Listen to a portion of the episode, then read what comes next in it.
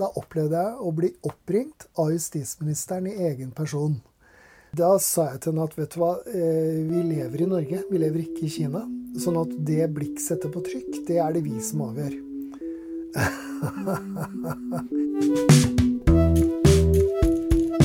Du har kanskje fått med deg forsida til magasinet Blikk når du har tatt turen innom en Narvesen-kiosk.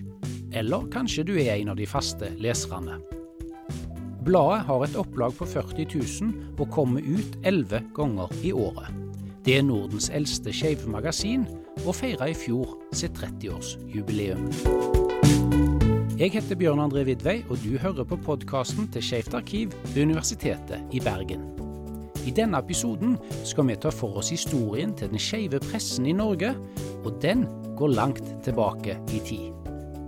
DNF48 er forløperen til dagens FRI. Organisasjonen ble dannet i Norge i 1950 og var de første årene en underavdeling av det danske forbundet. Da den norske avdelingen ble uavhengig i 1953, trengte de òg sitt eget blad for å kommunisere med medlemmene sine. Dette var starten på Klubb Nytt. I første omgang kom Klubbnytt ut som et stensilert rundskriv på noen få sider som ble sendt til medlemmene per post. I den første utgaven kunne de lese at formålet var å holde medlemmene à jour med hva styret arbeider med, og for å dele aktuelle ting fra inn- og utland. Det kunne òg være klipp fra norske eller utenlandske aviser, anmeldelser av bøker og informasjon om relevant forskning på området. Hver utgave var merka med svært konfidensielt, og i tillegg til å minne medlemmene om å huske å betale medlemskontingenten, ble medlemmene via bladet òg oppfordra til å opptre med diskresjon. I 1958 endra bladet navn til Oss imellom. Innholdet ble utvida, og det ble plass til både humor og annet, i tillegg til oppdateringer på forbundet sitt arbeid. Oss imellom ga òg i større grad medlemmene informasjon om hva som skjedde i utlandet, for eksempel ble det i 1962 trykket et brev fra et medlem som fortalte om hvilke utesteder som passa å oppsøke i Vest-Tyskland for norske turister. Det var òg en spalte som het Medlemmenes røst. Dette formatet varte fram til 1965. Neste skritt var å gjøre medlemsbladet òg tilgjengelig for offentlig salg. Dette skjedde i oktober 1965, da navnet òg ble endra til Oss. Det skulle komme ut fire ganger i året. Likevel ble det bevart en egen intern klubbavis med meddelelser og stoff som bare gikk til medlemmene. Den første utgaven av oss er òg spesiell, fordi det er den første med Karen Kristine Friele som redaktør. Lederplassen var via en forklaring på hvorfor homofile i Norge hadde danna et eget forbund, og hvorfor de nå trengte et talerør utad. Dette bladet var det første norske tidsskriftet om og av homofile for salg i Norge og husk at bruken av ordet homofil den gang var vanlig å bruke om både menn og kvinner. Valget om å nå også gå ut i offentligheten med bladet og gjøre det tilgjengelig for alle som ville kjøpe det, hang nok òg sammen med to andre viktige hendelser dette året. Finn Carling ga ut boka De homofile, og det første norske radioprogrammet om homofili ble sendt på NRK. Begge hendelsene ble beskrevet i oss som forsøk på å slå en sprekk i den muren som skiller oss fra de andre. Oss ble avslutta i 1970, og DNF48 skulle stå uten et offentlig talerør helt fram til 1974, da Fritt Fram oppsto. Dette skulle bli organisasjonens blad fram til 1982. Redaksjonen var sammensatt av frivillige medlemmer og direkte underlagt landsstyret. Det var òg ifølge Klaus Drecker, som var redaktør 1977-79, et forum hvor medlemmene kunne gi uttrykk for sine meninger om homofil frigjøring men han skulle òg erfare at ikke alt han mente ble tolerert. Så var jeg på det tidspunktet redaktør for det tidsskriftet som forbundet hadde fritt fram. Eh, eh, og følte at jeg hadde et redaktøransvar, og at jeg hadde eh, rett til å si hva jeg mente, også i forbundets blad. Og det ble jo trøbbel der, selvfølgelig. For det aksepterte ikke landsstyret. Så jeg ble egentlig innkalt og kastet, altså som redaktør. Hva var det du hadde skrevet og sagt? Nei, altså For det første var det mot det her. Altså Det kom et utsagn den gangen. eh, det var noen som var medlem i DNF 48, og, nå og i, i den der eh, AOF. Og det kom et utsagn der altså fra forbundet at det er ikke mulig å være medlem i to organisasjoner. Og jeg var imot dette, for jeg og andre også. For vi var den mening at det er hvert menneske som må bestemme selv hvor de vil være medlem. Hvis de vil være i medlem i DNF 48, så er de velkommen. Må følge våre regler og lover. Og de må gjerne være i andre foreninger også. Og det var ikke noe særlig likt i forbundet, da. Turi Eikvam var aktiv i den radikale sammenslutningen Arbeidsgrupper for homofil frigjøring, AHF, som skulle være et alternativ til forbundet av 1948. De hadde òg et eget blad som de kalte Løvetann, som ble gitt ut 1977 til 2003. De første utgavene av bladet hadde et sitat av Henrik Wergeland på forsiden. Den urt der gror, jo mer den tredes. Eikvam var den aller viktigste drivkraften i tidsskriftet. Altså jeg tror første nummer av Løvetann kom i 1977. Så husker ikke jeg nå Jeg tror jeg kom inn med arbeidet med nummer to. Eller nummer tre. Det, og det var jo et kjempemorsomt arbeid. Som eh, har betydd mye for meg, da. På hvilken måte da?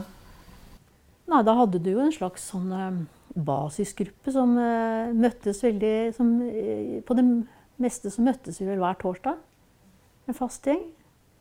Jeg husker spesielt da vi hadde kontor der på St. Olavs plass. Så var det liksom å kjøpe kebab eh, der oppe eh, rundt hjørnet. Og ta med og spise kebab på møte, altså før møtet, og så hadde vi møter. Og det var veldig sånne arbeidsomme møter med eh, Vi skrev jo referat vi fra hvert møte. Det fins jo en ringperm på Skeivt arkiv jeg tror det havnet der nå. I hvert fall var det meningen. Og da var det alt fra liksom morsomheter til eh, diskusjoner til eh, Altså det, det, kan, det, følger på en måte Denne tjukke ringparmen følger livene våre alle de årene. Og mange var jo stabile og med lenge. Og så var det noen som liksom kom og gikk og sånn. Men det var en stabil kjerne. Og vi var jo uh, populære. Det var veldig lett å få artikler. Um, vi fulgte jo veldig mye med på Den gangen så var det liksom ikke eh, så mange bøker som kom, så mange filmer uh, osv. Forskningsrapporter, uh, hovedoppgaver. Så vi, vi, kunne jo i en periode dekke liksom det meste. Og vi hadde veldig gode, mener jeg, folk som skrev til oss. Og syntes det var fint å få ting på trykk i Løvetann. Så det var ikke lett, det var ikke altså, vanskelig å be og vanskelig å få stoff. I 1992, da AHF og DNF48 og en rekke andre mindre organisasjoner slo seg sammen til LLH, fortsatte Løvetann som et selvstendig tidsskrift. Turi Eikvam sto for veldig mye av innholdet, og hadde mange ting hun var spesielt opptatt av å skrive om. Jeg har jo hatt en serie der med hvor jeg beskrev litt sånne berømte damer eh, som vokste opp på slutten av 1800-tallet og f.eks frekventerte Paris i 30-årene osv. osv. Eh, som jeg da leste meg opp på. Lånte bøker fra inn- og utland. Og, så jeg fikk vel sånn, en egen sånn sjanger, en sånn kvinneserie. Eh, det tror jeg var det mest viktige jeg gjorde, da. Som jeg syntes var veldig gøy selv. Siste utgaven av Løvetann kom i 2003. Men òg de lesbiske hadde sine egne publikasjoner. Lavendelekspressen kom ut første gang i 1976 og ble utgitt fram til 1981. Dette tidsskriftet er et av flere lesbisk-feministiske tidsskrift fra 1970- og 1980-tallet som òg finnes i Skeivt arkiv sine samlinger. Professor Tone Hellesund forteller. Og dette var det som vi kaller det for radikalfeministiske lesbiske. Og på Kvinnehuset i Oslo så var lesbisk bevegelse en av de aktive grupperingene der de hadde masse forskjellige aktiviteter som bilmekkegruppe og teatergruppe og eh, matgruppe og kafégruppe og lesegruppe og alle disse forskjellige tingene som Og dette var jo en periode og en type folk, altså unge, mange av de studenter eller jobbet med liksom, i korttidsjobber. Og de var nærmest heltidsaktivister. Altså fordi at dette var så viktig. Eh, de liksom ville dedikere livet sitt til, eh, til feminismen og til lesbiskheten. Og, og gjorde, i noen år så var de bodde de nærmest på kvinnehuset med alle disse aktivitetene. Og masse aksjoner selvfølgelig utad. Så de deltok i masse egne aksjoner, og de deltok i mange og støttet mange andre eh, aksjoner i perioden. Eh, så i tillegg til da, eh, all aktiviteten på kvinnehuset, alle de eksterne aksjonene osv., så, videre, så uh, ga de ut tidsskrifter. Så bl.a. Lavendelekspressen, Amazon og LF-aviser uh, var aviser som kom ut av dette miljøet her. Og det er jo kjempeverdifullt materiale. Uh, i tillegg til, Og vi har de fleste av disse tidsskriftene på Skeivt arkiv. Vi har noen som vi mangler, som vi ønsker oss veldig. Så har vi da gjort intervjuer med en del av de aktive lesbiske feministene i perioden. Sånn at dette her er jo utrolig spennende forskningsmateriale. Arne Walderhaug fikk i 1983 i oppgave av DNF 48 å få nytt liv i avisen til organisasjonen Fritt Fram. Den hadde da ligget brakk ei stund. Det første nye nummeret kom ut i 1984 med Walderhaug som redaktør. Fritt Fram begynte med utgaver annenhver måned, før den gikk over til å bli en utgave hver måned.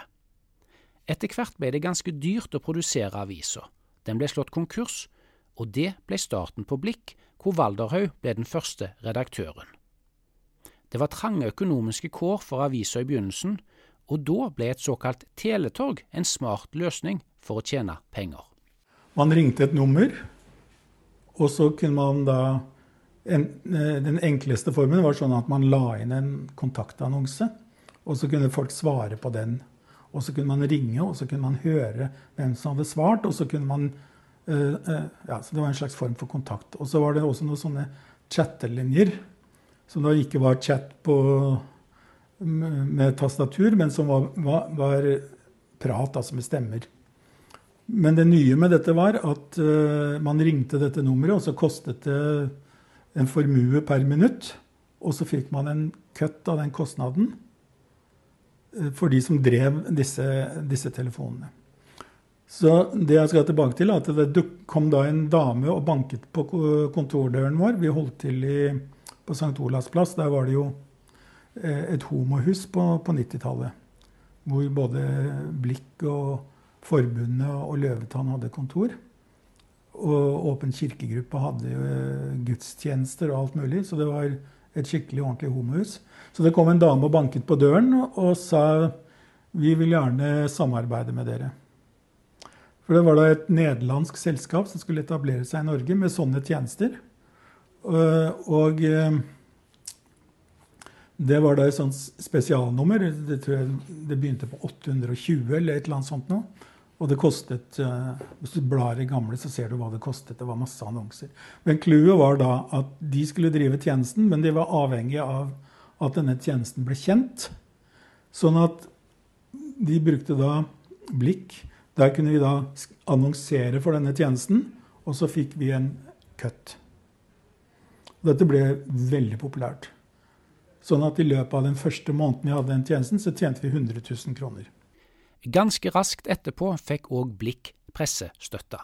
Det var Grete Knutsen som inviterte Valderhaug opp til en kopp kaffe på Stortinget og spurte han hvor mye han ville ha. Han svarte en halv million, og det ble da søkt om 600 000 på vegne av avisen. Å få folk til å annonsere i Blikk var vanskelig, og det ble utesteder, saunaer og Helseutvalget som brukte muligheten. Første store aktør utenfor var Operaen, som valgte å rykke inn annonser. Engasjement var det òg blant leserne over hva som passa å ha på trykk og ikke. Jeg husker en gang i, i tidlig Blix historie så hadde jeg vært i India. Så hadde jeg gjort et intervju med skal vi se, Indias svar på Kim Friele. Det var én mann, som, en godt voksen mann, som liksom var den eneste åpne den gangen, da, på 90-tallet. Eh, eneste åpne homsen i India som jeg hadde gjort et intervju med. Jeg har vært i Bombay. Og ved siden av det da, så hadde jeg vært i, eh, i Bombays mest berømte horegate. En gate som heter Falkland Street. Eh, og skrevet en, en, en, kort snutt om det, som liksom hang på den andre artikkelen. For den handlet jo også om eh, intervju, han, for, Foruten å handle om situasjonen for homoseksuelle i India, så handler den litt, også litt om aids. Og aids jo, rammer jo ikke bare homoseksuelle, det rammer mange andre. Så jeg hadde laget en liten reportasje om, om den gata. Den, ganske, den, heter Falkland Street. Det er ganske forferdelig å, å gå gjennom der, da. Men det var det mange som reagerte. Det syntes de ikke hadde noe i denne avisa å gjøre. En sånn artikkel. Så det er masse sånne typer eh, reaksjoner som vi fikk om hva som sømmet seg skulle stå i en, i en, i en avis. Andre deler av innholdet ble òg til av tilfeldigheter. Så hadde jeg laget et kryssord. For det syns jeg eh, kunne vært veldig fint. Og så kommer eh, en mann opp til meg da vi sitter på på Ingeniørenes hus, for homedagsfestene var der den gang. Og sa til meg du Arne, det kryssordet det lar seg ikke løse. Det var Svein Skeid som kom da. Så sa jeg Sier du det? Ja, men kan ikke du lage kryssord, da? Eh, for fritt fram. Og da hadde han sagt A, så da var liksom bordet fanget. Så da, måtte, da engasjerte Svein seg og begynte å lage kryssord. Og det fortsatte han med helt til jeg eh, ga meg med blikk helt inn i, i 2000-tallet. Jeg lagde kryssord som var veldig Kanskje var litt eh, sexfiksert, men det var veldig morsomme kryssord. Så, som var løsbare. Blikk satte seg som mål å bli sitert jevnlig i de store avisene i Norge.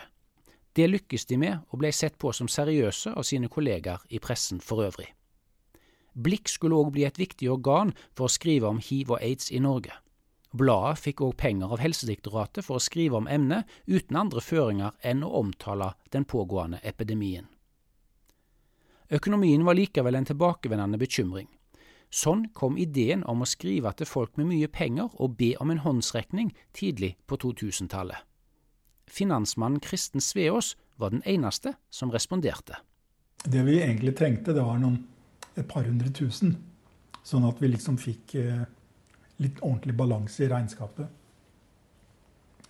Og da hadde han gjort hjemmeleksene sine. Han hadde vært hos Narvesen og kjøpt seg et eksemplar. Og da vi kom på kontoret, så, så var han liksom veldig positiv. Og eh, vi snakket litt frem og tilbake, og han hadde sett på bladet og syntes det var fint. Og ja, dette kunne han tenke seg å investere i.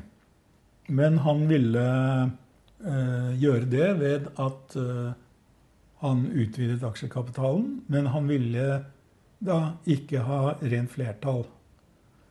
Han sa at jeg ville ha stemmerett for 49% Så sa han og vi satt fortsatt og tenkte liksom sånn i 100 000-kronersklassen. Sånn Ja, jeg kunne tenkt meg å investere fem millioner. Uh, ja. Ja, sa vi da. Så uh, kan dere komme tilbake om 14 dager da med en, uh, en plan, en økonomisk plan. Så sier vi ja, det kan vi gjøre. Og så gikk vi ut av kontoret, og så måtte vi bare sette oss ned og ta en kopp kaffe på en kafé. For fem millioner var jo ganske overveldende, da. Pengene ble bl.a. brukt til å redesigne aviser til et magasin, noe som var helt nødvendig med framveksten av internett. Blikk sto òg bak en hel del arrangementer.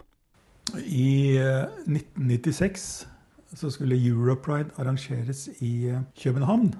Og da var det en som drev et lite sånn eh, reisebyrå på kjøkkenet. En som heter Ulf Brynildsen. Så han kontaktet oss eh, og sa kunne vi ikke arrangere en liten fest på danskebåten til eh, København. Vi kunne frakte folk til København på, på båten. Vi kunne selge noen billetter og hotell og sånne ting. Så tenkte jeg ja, det var, det var en god idé. Så trodde vi kanskje et par hundre stykker ville melde seg på. Og det da gjorde de et samarbeid med Virusgruppa, som var en gruppe i helseutvalget, og lagde For etter hvert som vi, eh, hvert som vi lanserte den ideen, altså, så eksploderte jo bare dette her. Sånn at det var jo 1300 stykker som meldte seg på den båtturen til København. Så vi okkuperte jo hele danskebåten. Det var noen andre passasjerer. Det var noen som feiret et, et gullbryllup. Og så var det noen Bandidos-medlemmer og noen, noen trailersjåfører. Men ellers så var det bare homser og lesber over hele båten. Og vi hadde underholdning på helikopterdekket da vi seilte ut Oslofjorden til København. Eh, med Great Garlic Girls og masse som skjedde hele tiden. Og han stakkars Ulf, da, som hadde tatt på seg denne jobben med å arrangere dette her og lage pakker, eh, han hadde jo et system eh, med gule lapper på kjøkkenbenken. Som hvem som skulle bo på hvilket hotell og sånne ting. Og vet, det, det, ble det jo bare surr av når du bare har gule lapper og ikke et datasystem. Eh, når det er over 1300 som meldte seg på. Og hvordan han fikk dette å gå i land, det var et under. Eh, det var et, rundt ti stykker da, som ikke hadde fått de hotellene som når de kom til København, så var det ikke noe hotell som får dem. Eh, men det løste seg. og så var det et stort kaos på brygga før vi eh, kom oss av gårde, sånn at båten var en time forsinka. Eh, for det, var noen som ikke fant billettene. De fant ikke billettene i datasystemet hos DFDS. Men det var da et stort oppstyr på, på kaia, også der vi hadde Drillarguri. Det var en sånn der drillgruppe som var knytta til, til Helseutvalget de hadde akkurat sånn som det var med amerikabåten i gamle dager. ikke sant? Stor fanfare, orkester når folk reiste til Amerika. Så var det sånn eh, show alt sammen på brygga før båten dro av gårde. Og vi som jobba i Blikk, da var verter, vi hadde skaffa oss Donald-drakter. Med sånn eh, lue og det hele. Uh, og vi ble intervjuet på TV 2 og NRK og på TV-en og alt mulig før den båten seilte ut i Eh, ut fjorden. Og det var dans og musikk og show hele natta. Arne Valderhaug sa opp jobben sin i Blikk i 2001. Eh, vi utga først et prøvenummer i 1990, desember 1990. Tom Ovlien begynte som redaksjonssekretær de første årene han var i Blikk fra 1990. Eh, og da vi en, fikk vi en avtale med DNF48, sånn at vi klarte å ha Altså første året, tror jeg det var omtrent, så fortsatte vi sånn at eh, vi kunne ha eh, For Fritt Fram gikk jo gratis ut til medlemmene, ikke sant? eller som en del av medlemskontingenten. Så første året så hadde vi denne abonnementsordningen også med denne 48. Så vi fikk til en ganske myk overgang. Og, og fikk da litt støtte av DNF 48 faktisk i, i starten på den måten. Og så Eh, var det da å verve abonnenter og, og bygge opp aksjekapitalen. Og da hadde vi en svær fest på Ingeniørenes hus tidlig i prosessen, eh, da vi hadde utgitt den prøveutgaven. Jeg husker jeg var rundt og solgte aksjer og solgte abonnement eh, med denne prøveutgaven da i 1990.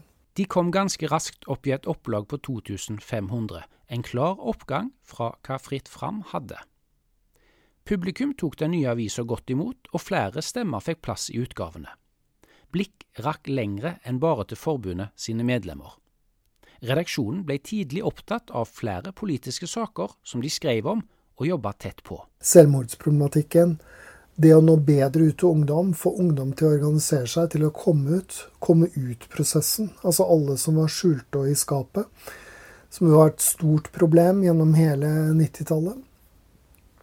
Um, Hiv og aids, selvfølgelig. Um, uh, kirka, som jo var et enormt problem um, gjennom hele 90-tallet. altså en, en, rekke sånne ganske tunge spørsmål som vi var veldig opptatt i, av i Blikk-redaksjonen. Så jeg, jeg, følte at vi klarte å få i gang en hel masse debatt. og Det begynte å svinge skikkelig. Det var sånn at eh, avisa lå liksom rundt omkring på kafébordene. Ikke bare på homokafeer, men også andre steder. ble solgt i Narvesen, ble distribuert der. Og opplaget økte. Jeg tror vi nådde opp igjen rundt 5000 i opplag i løpet av 90-tallet. Det var magre kår de første årene, selv om flere og flere leste de, og flere jobba gratis. Arne Valdrev var lønna. Han hadde jo da eh, vært lønna som redaktør i Fritt Fram eh, eh, gjennom DNF48. Eh, så vi måtte etablere egenkapital, og vi måtte få i gang inntekter, dvs. Si salg av annonser, sånn at vi kunne fortsette å lønne han. Men eh, det var ingen andre lønna stillinger. Det var noen som fikk litt betalt for, eh, for jobber. Men jeg hadde f.eks. en jobb eh, ved siden av. Jeg hadde begynt å fly i SAS samtidig som jeg studerte på 80-tallet. Eh, og den, den, jobben fortsatte jeg å ha. Fordi det var en, det var en fulltidsjobb. Godt betalt. Eh, men samtidig hadde jeg masse fritid. Sånn at jeg kunne både da eh, studere i, i starten, men, men, etter hvert da jobbe for Blikk samtidig som jeg hadde den jobben ved siden av. Blikk måtte fremdeles gå ut i egen konvolutt. Det var anonyme leseranlegg, og i offentligheten var det kontroversielt å være åpen. Da, da Anne Holt var justisminister, og hun da inngikk partnerskap i Sverige, ved, den, eh, ved ambassaden i Sverige, så eh, skrev svenske aviser om det. QX skrev om det, svenske homoavisa. Og det ble nevnt også på jeg tror TV4, jeg er på svensk TV. Um, så da ville vi referere til det. Jeg hadde da tatt kontakt med eh, justisministerens eh, kontor og bedt om å få et portrettintervju med henne. Og begrunna det med at vi var veldig happy for at vi hadde fått en lesbisk justisminister. Hadde lyst til En som skulle ta vare på vår partnerskapsråd. Da ble jeg, opplevde jeg Arne Valra var på ferie. Og jeg var fungerende redaktør. Da opplevde jeg å bli oppringt av justisministeren i egen person.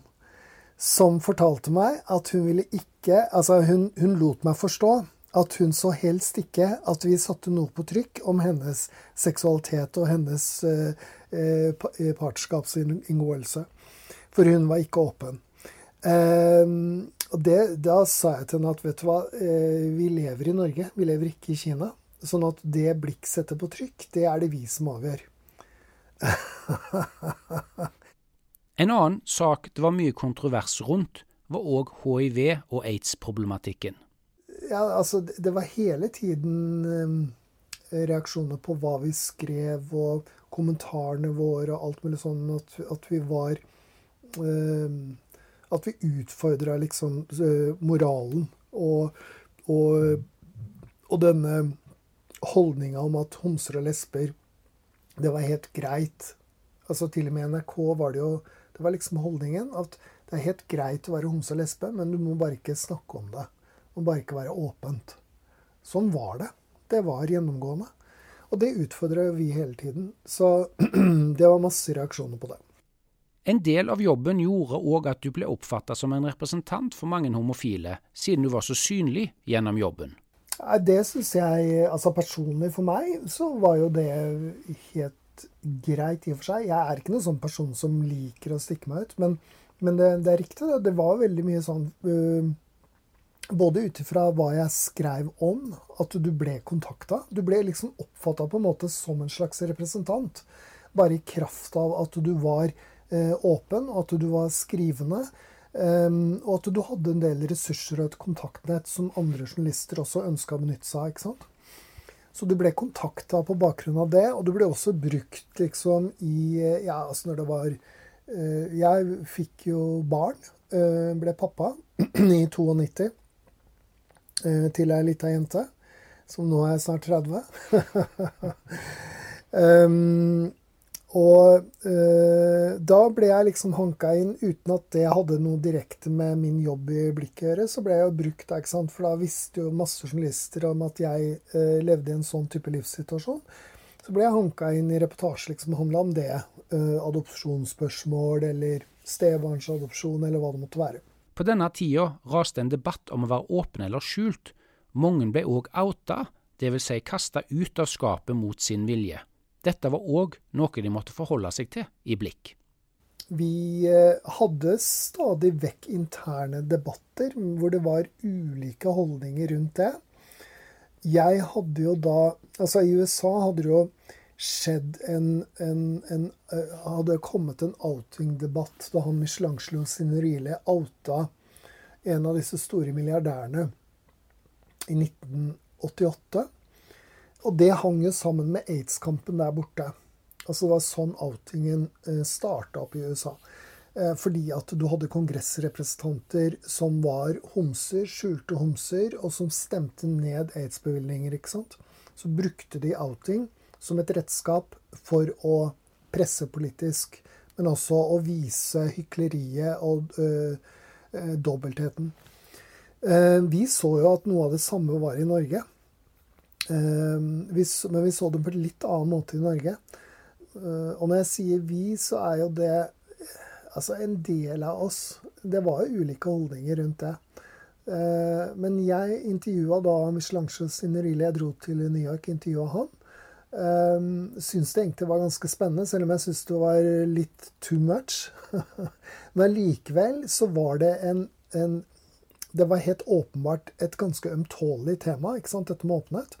Og da Anders Gåsland kom ut i 92, så var det en utmerka anledning til å ikke sant? Han sto frem på i beste Dagsrevy-tid, fortalte at han som KrFU-leder var homse i oktober i 92. Og da eh, lagde vi en sånn eh, Vi utfordra eh, homser og lesber i kjendismiljøene. Det var jo veldig mye kultur.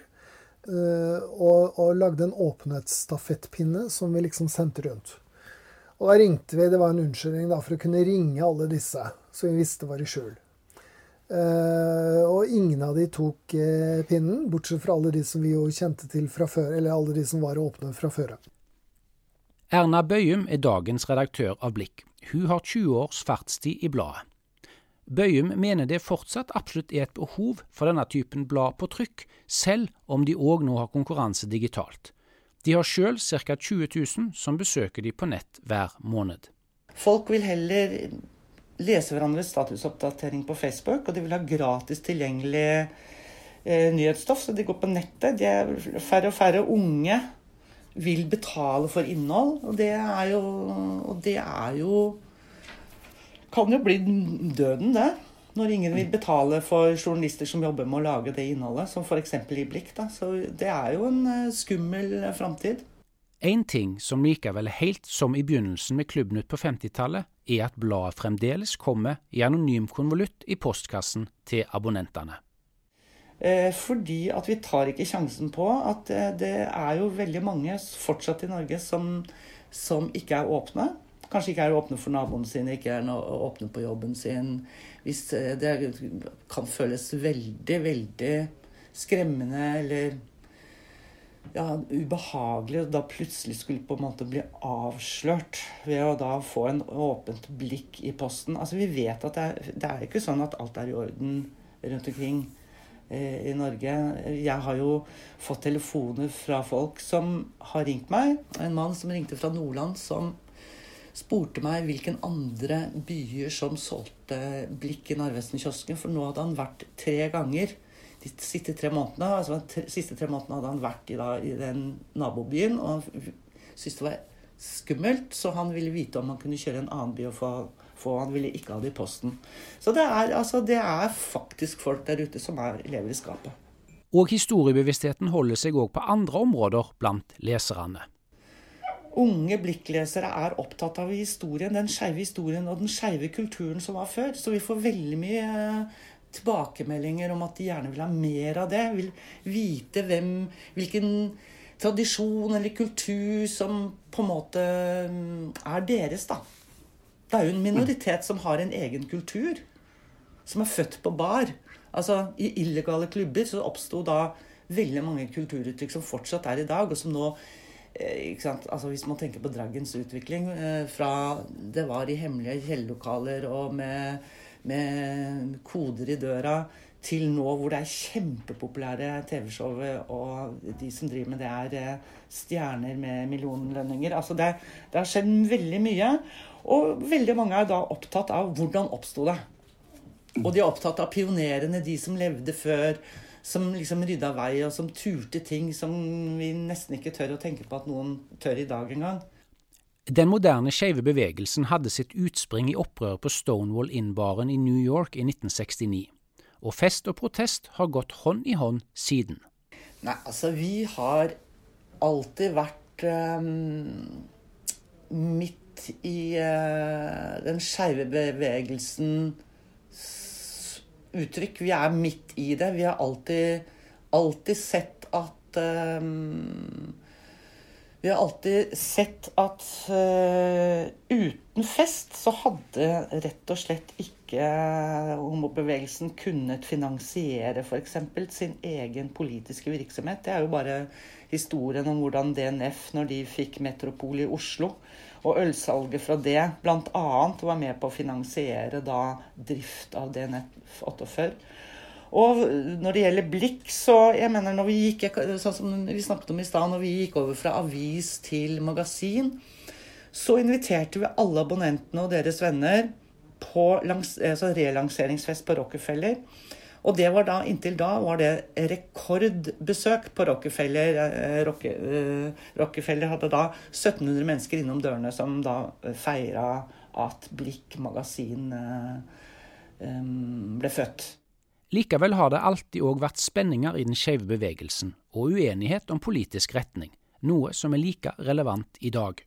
Ja, det som har skjedd, det må jeg si, er jo at etter at eh, transbevegelsen fikk litt eh, fart i seilene og ble synlige og tydelige, eh, som da har vel skjedd de siste åtte årene, kanskje, spesielt, så har det jo oppstått en slags sånn eh, litt motsetninger i da den skeive bevegelsen mellom de som på en måte eh, gjerne vil beholde på de gamle privilegiene sine som eh, og er skeptiske til det nye som handler om kjønn. Og det merker jeg jo veldig godt. Der får jeg også tilbakemeldinger med oppsigelse fra da gamle homser i Tønsberg som sier at nå er det nok med denne lesbiske kjønnsforvirringen. Og nei, nå orker vi ikke mer av dette. Nå går vi til utlandet og prøver å finne oss noe bedre lesestoff der, for nå er det bare kjønnsforvirring. Og, det, og så sier de opp. Og det må jeg bare si at da tenker jeg at da har blikket valgt riktig. Og vi er uh, gått videre og tar opp i oss da den nye tida. Og jeg syns jo litt synd på de som da ikke vil som ikke er åpne for at uh, den skeive bevegelsen også utvikler seg og tar opp i seg andre kamper enn den, den som ble liksom, i 69 Stonewall som var så viktig, som satte det i gang. Det er i dag mye mer magasinsaker enn nyheter i den trykte utgaven av Blikk. De unge skeive er i hovedsak retta mot skjerm og nett. Jeg tror alle jobber for å få alle papirmedier jobber for å få flere abonnenter. Men vi jobber også med å prøve å få flere abonnenter på det vi kaller Blikk pluss. For nå kan du jo lese hele bladet, alle artiklene, hvis du er pluss-abonnent på Blikk.nett. Så vi jobber parallelt med det. Vi vil gjerne at Blikk skal fortsette å overleve. Men da må jo selvfølgelig noe Altså, abonnenter Trenger vi abonnenter? Og de må jo selvfølgelig betale for det, så vi gjør alt for å få flere. Jeg tror at man må ha, ha et, sånt, et sterkt entusiasmegen for å holde, holde stimen oppe i et bitte lite eh, magasin som Blikk er, hvis du, ser, liksom, hvis du sammenligner med andre mm, blader og tidsskrifter i Norge som har en så stor målgruppe som det vi har, så, eh, så er vi jo små. Og vi har veldig lite penger. Vi er jo ikke, er jo ikke liksom veldig prioritert av, eh, av, av, uh, ulike regjeringer når det gjelder å få penger til det vi, det vi egentlig vil. Er å lage et mye bedre blad og nå ut til langt flere. Du, hva tenker du om, om uh, framtiden? Hva ønsker du for uh, Blikk for framtiden? Uh, jeg ønsker meg mer penger fra Anette Trettebergstuen og, uh, og den nye regjeringa, slik at vi får råd til å ansette flere journalister. Sånn som i dag, så er det bare to fast ansatte i redaksjonen. Og det er meg, og så er det Reidar, som også har jobbet her i 15 år. Det er lite. For det er en liten redaksjon som gir ut 11 nummer i året. Og som lager, legger ut daglig, lager og produserer daglige nyheter på blikk.no. Det er altfor lite. Blikk blir fremdeles sett på som en seriøs aktør av sine mer streite konkurrenter i mediebransjen.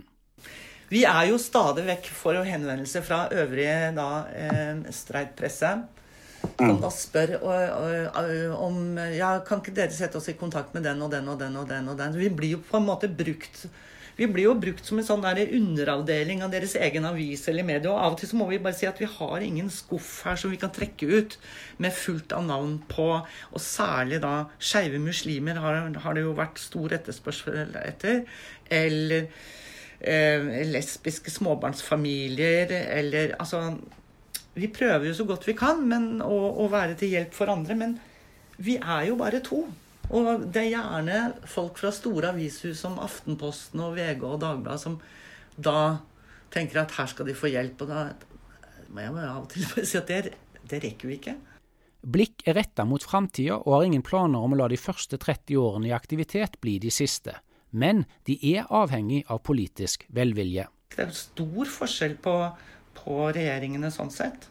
Og det er stor forskjell på regjeringene Vi har tidligere hatt veldig Har vi liksom hatt øh, Fått støtte. Øh, blant annet så fikk vi da gjennomslag etter mye mas av Arbeiderpartiet under Karita Bekkemellom og Kjell Erik Øie, som da for at norske eh, videregående skoler, eller altså videregående skoler i Norge, og ungdomsskoler skulle ha blikk i skolebibliotekene. Så av de 3000 som finnes av videregående og ungdomsskoler, så er det da 500 som får blikk i hyllene. Vi skulle gjerne sett at alle fikk det, men vi har da 500. Og det var det en Arbeiderpartiregjering som ga oss. ikke sant? Og dette var det KrF prøvde å, å fjerne fra skolebibliotekene. Så det er klart, vi, vår opplevelse av at det er forskjellige regjeringer, det vi har stor, forhåp, store forhåpninger til at, uh, at Arbeiderpartiet vil gjøre forskjell nå. Du har hørt en podkast fra Skeivt arkiv ved Universitetet i Bergen. Mitt navn er Bjørn André Vidvei, og produsent er Jo Gjelle. Sjekk ut skeivtarkiv.no for mer informasjon om de skeive publikasjonene du har hørt historien bak i denne episoden.